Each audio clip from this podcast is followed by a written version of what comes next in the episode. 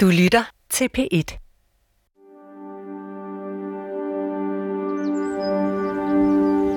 Jeg kan huske meget tydeligt, at jeg går sammen med min mor i Haderslev Bys Gade. Stopper op udenfor arresthuset i Haderslev. Og det vi stopper op overfor, det er en hånd, som rækker sig ud af selve vinduet. Jeg kan mærke faktisk, at det, det gør faktisk et udsletteligt indtryk på, på min mor. Det viser sig senere hen, at det er min mors brors hånd, på det tidspunkt var på vej til Tyskland. Og to måneder blev han faktisk øh, henrettet i forbindelse med de forbrydelser, han har foretaget sig under 2. verdenskrig. Hans Jørgen Bonniksens onkel blev henrettet efter 2. verdenskrig for sine kriminelle gerninger i nazismens tjeneste. På trods af sin sønderjyske opvækst, så valgte onklen at skifte side og tog den tyske uniform på.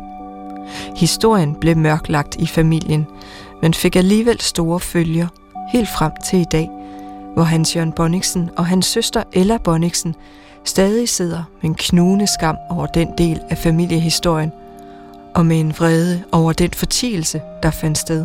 Det har vi aldrig fået at vide. Det er der aldrig været snakket om hjemme. Og det var meget, meget tyst, tyst. Alle min familiehistorie er sådan set skabt ved at gennem små stykker, erindringsglimt, puslespil, øh, ting, jeg har fundet, og ting, jeg har læst mig, mig, mig til. Det er jo ikke fortalt nogensinde af, af, af min familie i, i store træk. Aldrig nogensinde.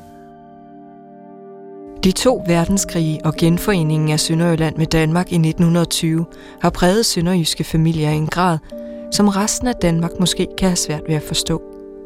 Begivenhederne har skabt et stridigt forhold mellem sønderjyder og tyskere, et forhold infiltreret med splittelse, skyld og skam. Det er aldrig noget, der er blevet talt særlig meget om, men det gør vi i den her serie. De har gjort det for at beskytte os, både min søster og mig, for at beskytte os på en eller anden måde. Men samtidig kan det jo være en misforstået, men man beskytter ved at tige.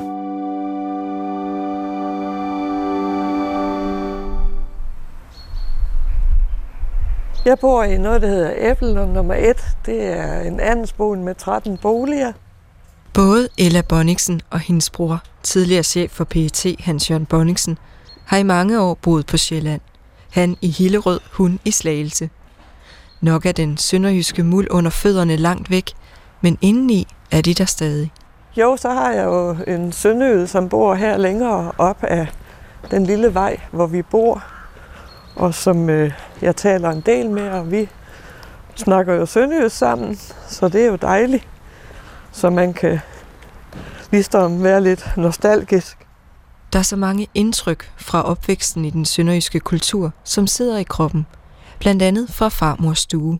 Jeg kan se, hvordan jeg sidder hos hende, og øh, det er jo et ikonisk billede, som jeg har set overalt i dansende sønderjyske hjem. Ikke? Billedet af Christian 10. som, som rider over grænsen, og så billedet af, af hendes øh, datters mand, hvor han trykker kong Christian 10. i, i hånden. I Ellas hjem i Slagelse har hun også en bid af Sønderjylland indrammet og hængende op langs en trappe. Her hænger alle genforeningsbilleder. Valgplakater fra den gang, hvor øh, genforeningen øh, den blev realiteter i Sønderjylland. Og øh, du kan jo se navnet af den, det står jeg også, Varumsols du øh, for Danmarks stemmen, og stem for Danmark, ikke også? Og de troede, at hjertebånd kan briste, og de troede, at Glennes kan var ret. Så, men altså, det var noget, jeg fik fra min far. Genforeningen af Sønderjylland med Danmark i 1920 har man talt meget om i Bonniksen-familien. Det var en vigtig begivenhed. En længe ventet drøm, der gik i opfyldelse. Om at høre til Danmark igen, sådan som Sønderjylland gjorde før 1864, hvor Tyskland erobrede landet. Ella og Hans Jørgens forældre blev født og var børn i Sønderjylland, mens det var under tysk herredømme. Og min mor, hun blev altid rigtig tost, da jeg så det var tysker. For hun var jo født i Tyskland, men øh, altså... Ja, på en eller anden måde følte hun jo ikke, hun var tysk. Hun har altid så, jamen altså, er jeg dansk, ikke også? Genforeningen handler om den her nye mulighed, der opstår. Altså Tyskland er, er presset i bund. Historieprofessor ved Aalborg Universitet, Paul Duedal, har beskæftiget sig indgående med grænselandets historie. Pludselig kan man få afstemningen nu kan vi definere, hvem der hører med til hvilken nation, og så kan vi sætte skillet der en gang for alle, med henblik på at skabe nation og skabe fred og en grænsedragning, der kan vare til evig tid, så vidt muligt. Ikke? Grænsedragningen foregår jo umiddelbart fredeligt. Men vi har en identitetskonflikt, som handler om at, vælge side. Altså, skal man være dansk, eller skal man være tysker? Afstemningen i 1920 foregik efter internationale ordninger, og Syd- og Nordslesvig blev opdelt i to zoner. I den nordligste del, det vi kender som Sønderjylland, blev den danske stemmeandel stor. Cirka 75 procent stemte for at genforene den sønderjyske landsdel med kongeriget Danmark, og Ella er ikke i tvivl om, at det blev fejret i deres hjem i 1920. Det er jo hele det der med, at, at det faktisk bliver stemt tilbage, ikke også? Det er jo ikke så tit, man oplever, at man får et land tilbage, et stykke land. Og det gør jo, at det er noget helt specielt. Det føler jeg i hvert fald. Genforeningen var en sejr i familien Bonniksens øjne, men tilværelsen blev ikke gjort mindre kompleks. Barn af grænseland, det er ikke altid, altid lige lykkelig, og samtidig ganske besynderligt. Ikke? Netop fordi, at øh, du er jo, du er jo på, på sin måde sådan en hybrid mellem, mellem to kulturer. Ikke? Hans Jørgen husker sin far for trods alt at vise tolerance, selvom han ikke brød så meget om tyskerne. Jeg vil sige, at min far viste mere i adfærd, end han viste i ord, hans tilhørsforhold og hvordan han forholdt sig til, øh, til øh, problemstillingen, det, det dansk-tyske. Han kunne både de tyske drikkeviser, Trink, Trink, Bryderlein, Trink, ikke? Han kunne også alle de danske sange, ikke? Altså Jeppe Aukærs øh, sang han med, med, med, med stor glæde, ikke? Mit hjerte skælver af glæde. Det var ikke nok for ham, når han sang det. Mit hjerte skulper af glæde. Nej, hans hjerte, det skulpede af, af glæde. Ja, på den måde var han jo et, et, et, et glad menneske, som, som på alle mulige måder gennem adfærd viste, at, øh, at det kunne godt lade sig gøre at finde et, en fælles måde at, at, at være sammen på, til trods for, at man har været igennem alt det, som, som, jo, som jo var en tung arv at bære rundt på. Ikke? For at forstå den tunge arv, som Hans Jørgen fortæller, at han og søsteren Ella bærer rundt på, skal vi tilbage til 1914. Der har været lange begivenheder i, i vores familie, tragiske begivenheder i, i vores familie, som, som har præget os. Først og fremmest Første Verdenskrig. Altså, der deltog jo de dansende syndede i en krig, som ikke var deres. Første verdenskrig var en total omvæltning. Altså alt, hvad man havde arbejdet for, set hen imod, drømt om, det væltede fra den ene dag til den anden. Øh, det gik ikke op for folk i, i første omgang. Altså, øh, man, de fleste mennesker regnede med, at det ville blive en meget kort krig. Øh, der var sådan set heller ikke øh, nogen, der nægtede at gå i tysk tjeneste, selvom man var dansksindet. Fordi man tænkte, nå jamen altså, lad os nu lige tage den måned eller to, det nu varer, så kan vi komme til, hjem til jul igen. Men det er en dybt traumatisk øh, oplevelse at komme igennem den her krig. Altså, øh, det er jo øh, unge øh, sønner på 18 år, øh, øh, der falder øh, ved fronten. Altså, der kommer, så kommer der bare et øh, hundtegn øh, hjem, og øh, præsten kommer ud og fortæller, nu der er altså røget måske endnu en søn. Altså, nogle familier mister jo mange sønner, øh, og faren også. Hans Jørgen Bonniksen glemmer aldrig de konsekvenser, Første Verdenskrig fik for familien. For ved hans ståb blev det hans lod at huske det til evig tid. Altså, mit navn er Hans Jørgen Christian, og det er alle sammen navne opkaldt efter min fars brødre, som ikke eksisterede efter Første Verdenskrig. Farfaren, Møller Bonniksen, han øh, døde på et krigslasseret i Sønderborg. Jeg har fundet ud af, at min bror, eller min, min, min fars bror Hans, han, han døde, han kom i krigsfangelejre i Lac i Frankrig. Han døde også. Så jeg forgæves søgte, og der kommer nogle af de her tavshedens byrder ind forgæves forsøgt på at finde ud af Christian, og jeg har også forgæves forsøgt på at finde ud af Jørgen. Men de er væk. De er pist væk. Men jeg kan se, at de alle sammen døde i 1920. Jeg bruger kun de to, to første. Jeg faktisk, øh, min hustru bruger kun lidt af dem, og det er, er Jørgen. Jamen, jeg tænker meget på det, fordi jeg, jeg, jeg synes faktisk, at, øh, at det er sådan set noget, noget, en tung afslag rundt på. Det er sådan en stamtavle, ikke? Hans Jørgen Christian, altså. Man kan næsten se gravstenene foran sig, ikke?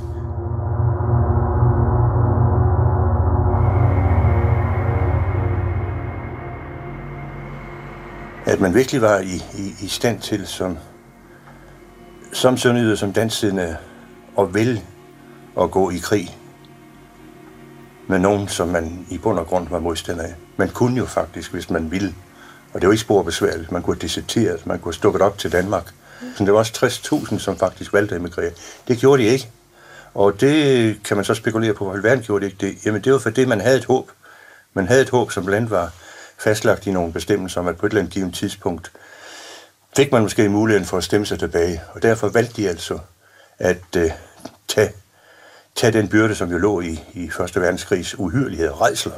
Jeg synes, det er beundringsværdigt, at de blev. Det synes jeg. Og at man ligesom står ved, hvad man var, ikke også? En gang Sønderjy, altid Sønderjy. Det er troen på, at øh, Sønderjylland øh, vender tilbage eller bliver genforenet øh, eller indlemmet i Danmark, alt efter med hvilke briller man ser det. Det er den tro, som øh, får mange til at blive. Og det er jo øh, en, en familiehistorie, som øh, skal karakteriserer en, en styrke omkring, at man har en ret til at være, hvor man er, hvor man er født og opvokset, og hvor ens øh, tilværelse er. Og det skal man ikke bare svigte. Altså, når man opkalder nogen, så er det, så er det fordi, man øh, øh, fremhæver dem. Men, men man kan jo sige, her at gør det noget helt særligt. Det er jo familiens helte. Altså, og, og på den måde skaber man en position, altså allerede fra din opvækst, så ved du, at du er... Øh, Ja, du skal leve op til visse standarder jo. Øh, også i dine holdninger til det nationale. Et godt slidt album. Ella bærer også sit navn efter et familiemedlem, som døde i krig mod tyskerne. Det der, det er min moster. Ella, og hun blev jo bombet under 2. verdenskrig. Og øh, inden havde min mor vendt ved en spokkone, og den spokkone havde så, du må sige til din søster, hun skal ikke tage afsted til Tyskland. Men hun gør det alligevel, fordi at, øh, hun var jo nødt til det. Ja, givet og har fået to børn, men blev skilt under et krig. Og så øh, har man jo den regel i Danmark dengang, hvis man skulle have noget understøttelse, men man i Sønderjylland, så øh, var man nødt til at øh, tage et arbejde for tysker. Og så tager hun til Hamburg, også på grund af, at hun har familie dernede, og kommer og bo ved familie, men kommer så til at arbejde over en fabrik. Og øh, det endte jo så også med i 1943, at hun blev bombet af de allierede dernede. Hans Jørgen Christian Bonniksen, eller Bonniksen, opkaldt efter slægtninge, der døde under 1. og 2. verdenskrig mod Tyskland. Men det er sådan set ikke hele deres historie. Hun er blandt andet der. Det er Ella og Hans Jørgens mormor, Magdalene, på billedet. Jamen, hun har altid været sådan en statlig dame, og gik altid med kittel, uden af sin kjole. Meget, meget sød dame. Hendes historie har været hemmeligholdt for resten af familien. Først sent i livet har søskendeparet selv optrævlet, hvordan det hele egentlig hang sammen. Den startede jo som ung, at øh, hun øh, blev forelsket i en tysker, som... Øh, altså, så vidt er fra når vi var han løjtnant. Og øh, der blev hun gravid, og øh, dengang var det jo ikke ret godt, at man blev gravid uden for ægteskab. Men øh, så øh, måtte hun ikke få ham. Hendes mor og far ville ikke have, at hun skulle have ham, og det var når, på grund af, at han var tysker. Men så, så mødte hun min øh, bedstefar, som er ansat ved, øh, øh, ved statsbanerne, og øh, blev givet med ham. Og han går ind og tager sig af det barn. Og så senere så får hun jo så min mor og min onkel og min moster Ella. Det ser umiddelbart ud til for Ellas mormor, at det nok skal gå. Hun har mødt en mand, som hun må få, og han accepterer kærlighedsbarnet, Gustav, som han kommer til at hedde, drengen hun fik med den tyske løjtnant. Og så går det jo hen til 2. verdenskrig, hvor øh, det hele det får en stor omvæltning. Og Gustav blev senere hen faktisk et meget, meget mørkt kapitel i, i vores øh, fælles historie.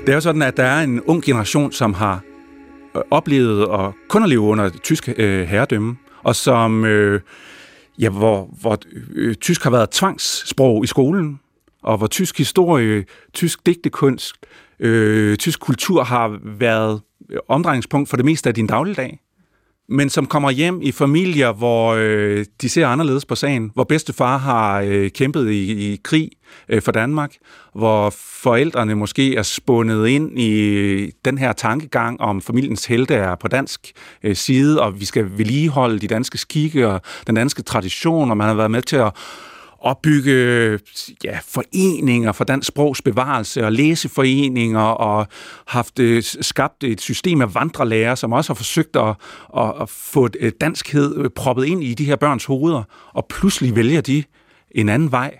Det er kæmpe, kæmpe konflikt, kæmpe problem. Det er en kulturel generationskløft, som man hidtil ikke har set i grænselandet. For den sønderjyske region har ellers i mange år været et forholdsvis roligt, multikulturelt samfund, hvor forskellige folkeslag har levet side om side i generationer. Men der opstår en bevægelse i Europa omkring 1840, som bliver afgørende og grundlægger det stridsomme og anspændte forhold mellem danskere og tyskere, vi stadig ser spor fra i dag. Altså i mange år, der levede man fredeligt med hinanden stort set, fordi kultur og sprog ikke betød noget din nabo kunne tale tysk, mens du selv var vokset op i en dansk familie. Ude vestpå, der talte de frisisk. Der var nogen over mod Polen, der kunne tale vendisk osv. Øh, det gjorde ikke nogen forskel, fordi man havde loyal, øh, loyalitet over, til den, øh, over for den samme konge eller hertug. Øh, men det, der egentlig starter hele den konflikt, som har en enorm virkning, som skaber alle de omvæltninger, der er, det er øh, kravet om selvstændighed, selvstændigt grænseland, øh, i det hele taget selvstændighed for befolkningerne, altså kravet om folkestyre. Fordi hvad er det så, der sker? Hvis man vil have folkestyre, så skal man definere, hvem hører med til folket. Og, og hvordan definerer man et folk? Ja, det letteste er at definere det efter kultur, sprog, det der skaber oprigtig solidaritet og sammenhængskraft, identitetsfølelse osv. Men altså det er lige pludselig kampen mellem dansk og tysk, der bliver defineret og gjort meget klart for folk, at de skal ligesom vælge side. Og det er det, en del af Hans Jørgen og Ellas familie gør. Magdalene, deres mormor, havde en søster, Petrea, som var hjemmetysker. Hun var dansk på papiret, men valgte det tyske til, fordi hun følte sig mere tysk af sind og kultur og hun formåede ifølge familiefortællingen at overtale Gustav til at melde sig til Waffen SS under 2. verdenskrig. Og det var ikke nogen diskret rolle, han fik. Han kommer så til Østfronten, bliver meget hurtigt erklæret for, for krigsudulig på grund af en hjertefejl, bliver så sat til at være ja, fangevogter i koncentrationslejren. Og det er jo helt fantastisk at tænke på, han kommer til Nøgen Gamme. Nøgen Gamme, som er det sted, hvor mine kollegaer, som jeg senere har mødt i min tilværelse, faktisk bliver interneret, efter de bliver taget, taget den 19. september 1944. De må have talt med ham, de må have set ham, de må have oplevet ham. Jeg har aldrig nogensinde tur over at fortælle, at, øh, at jeg havde en, en onkel, som var krigsforbryder, som var en af deres, deres bødler, som var en af dem, som, som på alle mulige måder øh, gjorde dem ondt. Gustav bliver fængslet for sine forbrydelser i 1946 og dømt til døden men inden da når han at sige farvel til sin søster, Hans Jørgen og Ellas mor.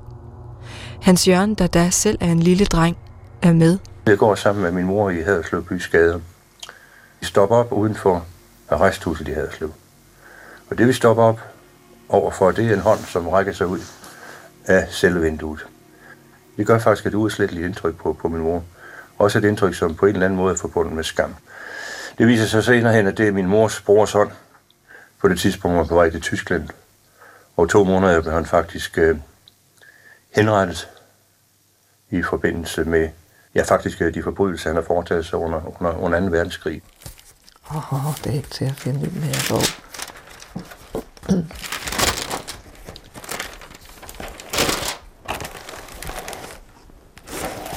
Han stod det jeg synes, han ser lidt dyster ud, ikke også? Fordi at, øh, han ser sådan lidt øh, alvorlig ud. Og så har han en cigaret i mund.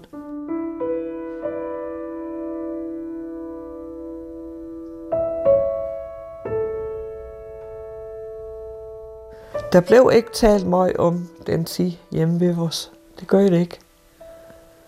Og hvis man spurgte ind til, så blev det altid øh, snakket udenom. Altså folk, altså vores familie, de ville ikke snakke om det.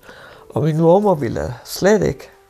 hun har et meget, meget dårligt med at snakke om det, ikke også? Så, øh, så man vil helst tige om ting. Fordi de var de tavse danskere.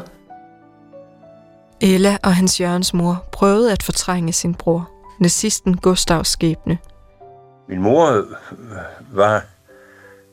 Altså hun havde nogle, lad mig udtrykke det med, med nogle billeder, ikke? hun havde nogle skuffer, hvor hun pakkede det hele ned i. Både sådan fysisk i forhold til øh, øh, ting og sager, så blev det låst, men også rent, rent mentalt, psykisk, der pakker hun det også ind. Og øh, det er slet ingen tvivl om, at, at det i sidste ende har påvirket hende så meget, at hun fik en dyb, dyb depression i sin, sin alderdom, som også medførte, at hun afgik ved døden. Tænk, hvis hun havde åbent op og talt og frit og frejligt om det, og vedstået, at det var en del af, af havn, så hun nok på, på anderledes måde haft det til, til, til et smukt og godt liv. Skam er en af de, de aller værste følelser, man, man overhovedet kan have sig i sig. Skam er jo ens betydende med, at, at man er lige på kanten af at sige, det jeg kan ikke bære, ikke? Og, øh, men, men så lukker man det ind, og, og lukker det ind på en sådan måde, at det på et eller andet tidspunkt kommer tilbage med eksplosiv kraft. Det har da også irriteret mig, at man øh, skulle være så hemmelighedsfuld om de ting, der er sket. At man ikke bare kunne fortælle. Og der føler jeg virkelig, at de har været hemmelighedsfulde, ikke også? Og det... Jeg ved ikke, hvorfor jeg bliver rørt. Kan jeg ikke svare dig på. Fordi normalt så plejer der aldrig at røre mig.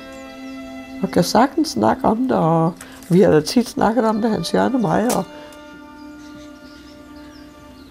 en hver familie har noget et eller andet skam i livet, ikke også? Og jeg tror jo, det er en god hjælp, når man taler om tingene. Hele den historiske ballast med, hvad der foregik under 2. verdenskrig, der kommer jo igen en slags skam i nogle familier over øh, at have taget del i det. Øh, og igen et nyt forsøg på at fortrænge og tabuisere og glemme fuldstændig som noget, vi har set før i historien.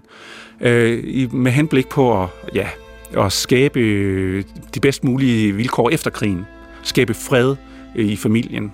Men det øh, er jo som det er også i, i dag med folk, der kommer hjem med øh, posttraumatisk øh, stresssyndrom, øh, eller hos øh, enker, der bliver ladt tilbage alene. Hvis, hvis ikke der bliver talt om det, jamen så bliver det den store elefant i rummet.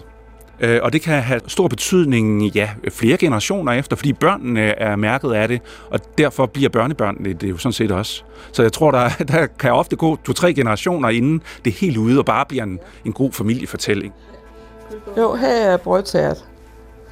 Der bruger man så en øh, dyb tallerken øh, øh, reven rugbrød, og det skal så blandes med en spiskefuld mel, spiskefuld kakao, seks æggeblommer. Ella læser op fra en bog med håndskrevne opskrifter på sønderjyske kager.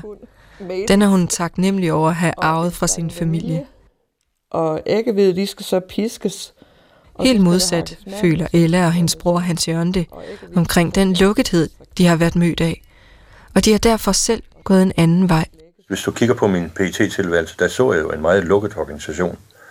Og øh, jeg vil da sammen med mine medarbejdere og andre i chefgruppen på daværende tidspunkt, jeg vil godt påstå, at, at vi medvirkede faktisk til at ændre den her, her kultur, som var et produkt af, af den kolde krig, men, men nu var det andre tider, at det er da vigtigt at åbne op og prøve på, på at belyse, hvad PET står for. At øh, de har en, en gavnlig effekt i forhold til, til det danske samfund. Og hvis man ikke fortæller om det, jamen, så opstår alle de her myter, som, som jo medvirker til, at, at de bliver betragtet som skæg og blå briller og, og jeg ved ikke hvad. Og derfor er det utroligt vigtigt, at man prøver på at gå ud og fortælle om, hvad man står for, hvad man, hvordan man arbejder. Og... Altså, jeg har jo altid været typen, hvis der er sket noget, så har jeg talt meget om tingene. Og jeg tror, altså, øh, det er hjælpen for mig ved at få det ud, hvor mange andre er indesluttet. For søskendeparet har familiens hemmeligheder været det værste. Det valg, en del af familien traf om at støtte nazismen, bør man forsøge at forstå i stedet. Men ved jo, man kan lokke unge mennesker. Det er fantastisk vigtigt, at du prøver på at sætte sig et andet sted. Det er fantastisk vigtigt, at du prøver med, med et fint ord og øh, udføre det, der hedder empati. Ikke? Altså forsøge på at sætte dig ind i, i, i den anden situation. Altså jo, jo, jo bedre muligheder har man for, for fredelig sameksistens. man er fundet at at det var forfærdeligt med de tyskere osv., men altså, på en eller anden måde har jeg aldrig haft had til tyskere. Det er mange, det virkelig har had tyskere. Og stadigvæk måske gør, altså, at de ligesom har givet via til deres børn, ikke også? Men øh, nej, det, det føler jeg ikke, at øh, jeg har fået den opdragelse. Lige efter 2. verdenskrig, så er det jo en meget sort-hvid tilgang. Altså, sådan er det jo ofte efter krig, så er der dem, der kæmpede for, dem, der kæmpede imod, dem, der var på den rigtige side, dem, der var på den forkerte. Øh, og det er sådan en meget simplificeret øh, måde, men den, den har jo grobund i befolkningerne. Altså, man, lige efter 2. verdenskrig, der indførte man også, øh, genindførte dødsstraf jo øh, og kunne dømme tilbagevirkende. Det er jo ikke noget, man normalt gør i et retssamfund under fredelige tilstande, men der kommer jo øh, behov for øh, et opgør, der kommer et behov for hævn, øh, og, og det foregår ofte lige i kølvandet på krige. Og der må vi jo nok sige, at som tiden er gået, som årtierne er gået, som generationerne er forsvundet, øh, de ældre, jamen der kan vi sætte os ned, måske en anelse mere uhildet og kigge øh, på de samme begivenheder og se, at der er flere nuancer. Det er der jo som regel til en sag. Og så var det måske ikke så mange, der var med i den der modstandsbevægelse, og så var der måske endnu flere bevæggrunde for at... Øh, at være på den anden side. Du har lyttet til første program i serien Tys Tys, vi er tyske. I det her afsnit har Ella Bonningsen og Hans-Jørgen Bonningsen fortalt deres erindring om familiehistorien. Næste program handler om Kirsten Elleje, der er vokset op med en dyb splittelse mellem det danske og tyske. Så jeg har jo siddet der ved køkkenbordet, altså i bogstavelsforstand, og drejet hovedet den ene vej, så jeg snakket sønderjysk, så jeg drejet hovedet den anden vej, og den har vi har hørt mig en far, der Deutsch geredet. Programmerne er tilrettelagt og produceret af mig, Sara Røykær Knudsen. Mette Willumsen er redaktør og Dennis Kravelund programansvarlig. Du kan lytte til alle programmer i serien Tys Tys, vi er tyske, i DR's radioapp eller der, hvor du henter din podcast. Du kan høre flere P1-podcasts i DR's radio-app. Det giver mening.